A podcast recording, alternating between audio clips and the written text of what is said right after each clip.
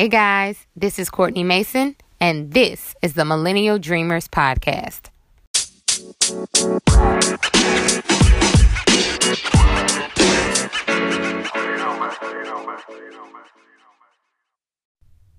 Greetings. I hope you are having a fantastic day wherever you are in the world. And let me just start by saying that I always get hit with the reality that Murphy's Law is a very real thing. Just earlier this week on Monday, I recorded a podcast to put out for you all. It was right after Father's Day. I'd come back home and I was ready to get on top of things.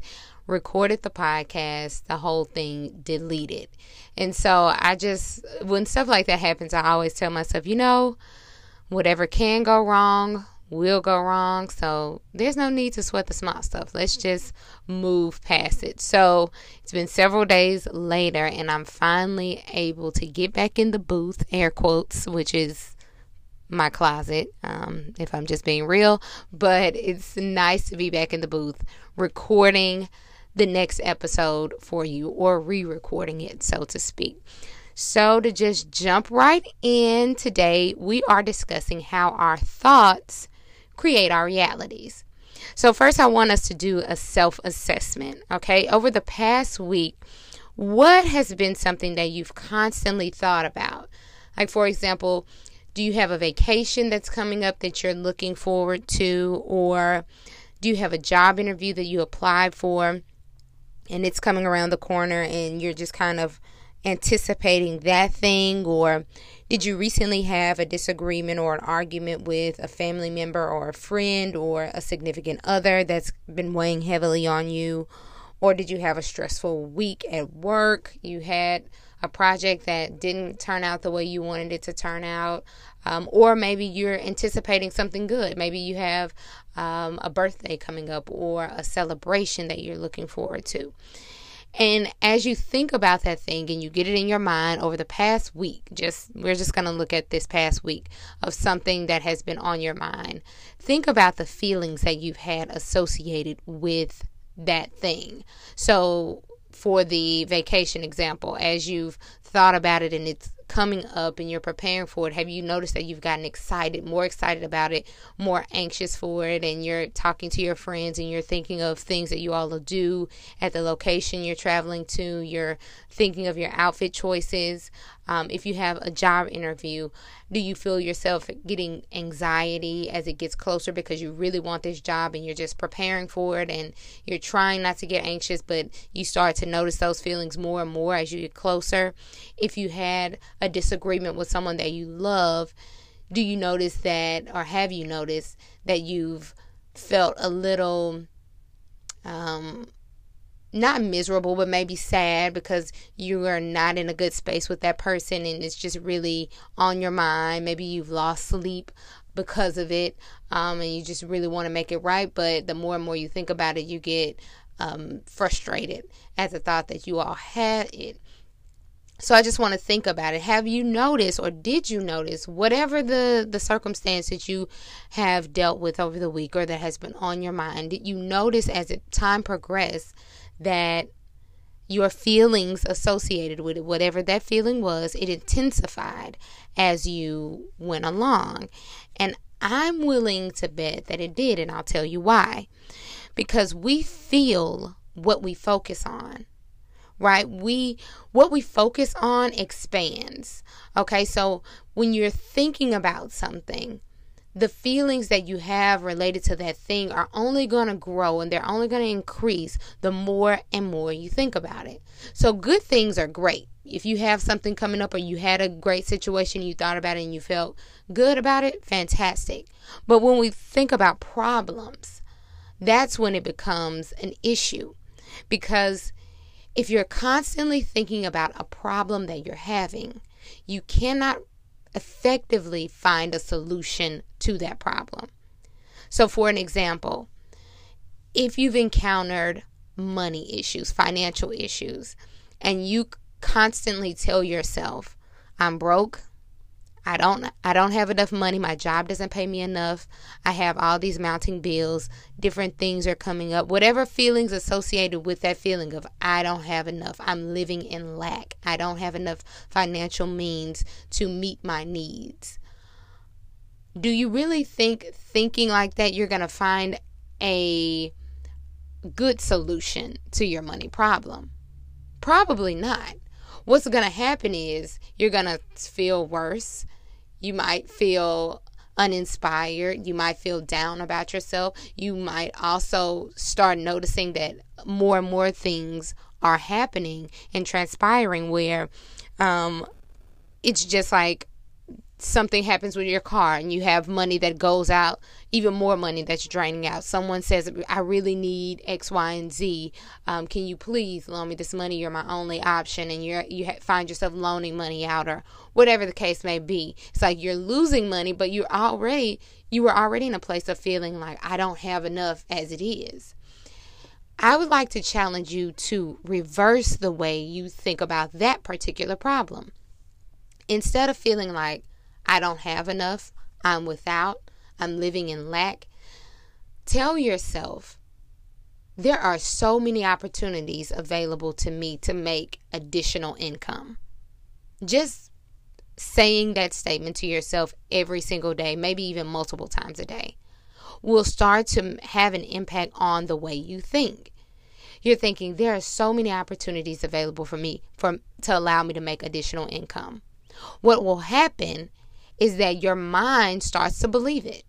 And then you'll find yourself Googling things like, hmm, there are a lot of opportunities out here for me to make additional income. I wonder if I can do something that I really enjoy doing.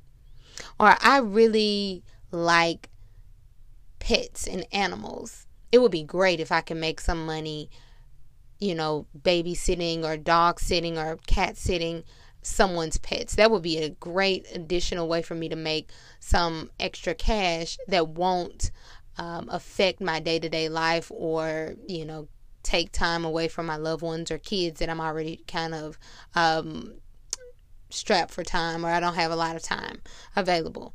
Okay, cool. You start thinking about it. You may start Googling. You may even find yourself having conversations with people that you might work with you're at the water cooler one morning and you're just like, hey, um, Susan, I was just thinking about it. You know, it would be great. I love, love dogs. I, I really would love um, to possibly dog sit for someone.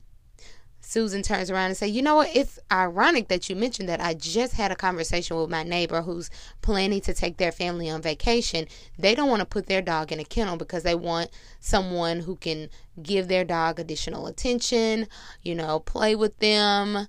like we would typically like that you know like they would do if they were home and they just mentioned that and were saying that they wish that they had someone that they could pay to dog sit for them let me give you um, their number before you know it, you've made that connection and you've allowed yourself to make that additional income by just thinking of possible opportunities of something that you enjoy doing, something that would not have taken from your time away from your family or friends. It's something that you love and you found found yourself in a position to bring what you want into your life. So I want to encourage us to get in the habit of finding a way to think about what we want and not what we don't want. Right? Our daily thoughts mirror or they need to mirror what we want, not what we don't want. So I'll use myself for an example. I remember last year I was very frustrated with the fact that I didn't have enough time in my mind to do a lot of the things that I wanted to do for my um, children's brand. I felt like I just didn't have enough time. I had a longer commute to work because our our office moved to another part of town and it just took much longer. I had a longer commute every day and I just thought, "Oh gosh, I'm so frustrated. I wish there were were a way for me to, you know, change this up. And the more I thought about it the more frustrated I got, I started to feel sluggish. I wasn't enthusiastic about going to work every day.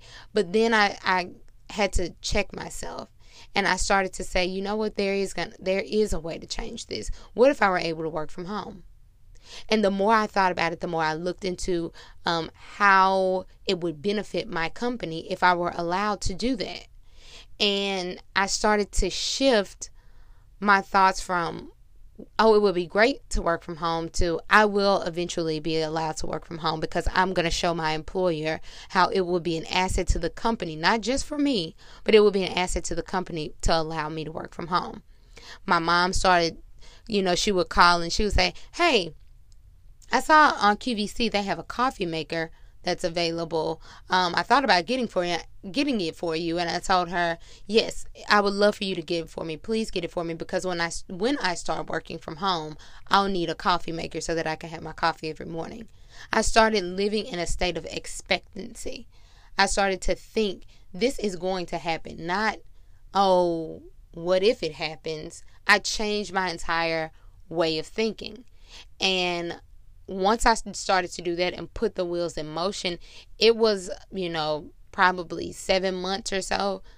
And now I'm currently able to work from home um, significant amount of time out of the week, which is helpful for me because I can start my day, you know, doing whatever it is that I need to do to kind of get me focused. I can start by meditating, doing yoga, um, getting a balanced breakfast, waking up early, getting to it if I need to, if there's something that needs to happen. If I want to start working at seven o'clock, I can do that. I don't have to wait until nine thirty, you know, 10 o'clock to really get zoned in. I can wake up, get everything going, and start my day. So I just want to encourage whomever might be listening um, to start getting in the habit of putting ideas of the reality that you want in your mind.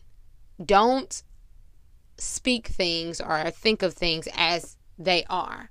Think of them in a way of what you want them to be because the more you you challenge yourself to do that the more likely you can find a solution to your problem or find a the the answer to your prayer or your idea or your dreams or whatever the case may be. You'll see that it'll start to come to pass more so than you wallowing in the state of your current situation. So with that said, that is today's podcast episode. Let's just hope it does not delete and you can listen to it. Until next time, have a fantastic weekend and I will talk to you soon. Peace.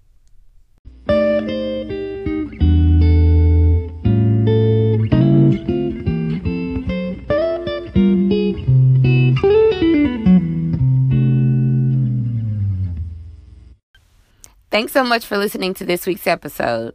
If you have any ideas you'd like me to discuss on the podcast, send me an email to millennialdreamerspodcast at gmail.com. Again, that's millennialdreamerspodcast at gmail.com. I look forward to hearing from you. Oh, and hit the subscribe button. Talk soon. Peace. The podcast you just heard was made using Anchor. Ever thought about making your own podcast? Anchor makes it really easy for anyone to get started. It's a one stop shop for recording, hosting, and distributing podcasts. Best of all, it's 100% free. Sign up now at anchor.fm slash new. That's anchor.fm slash new to get started.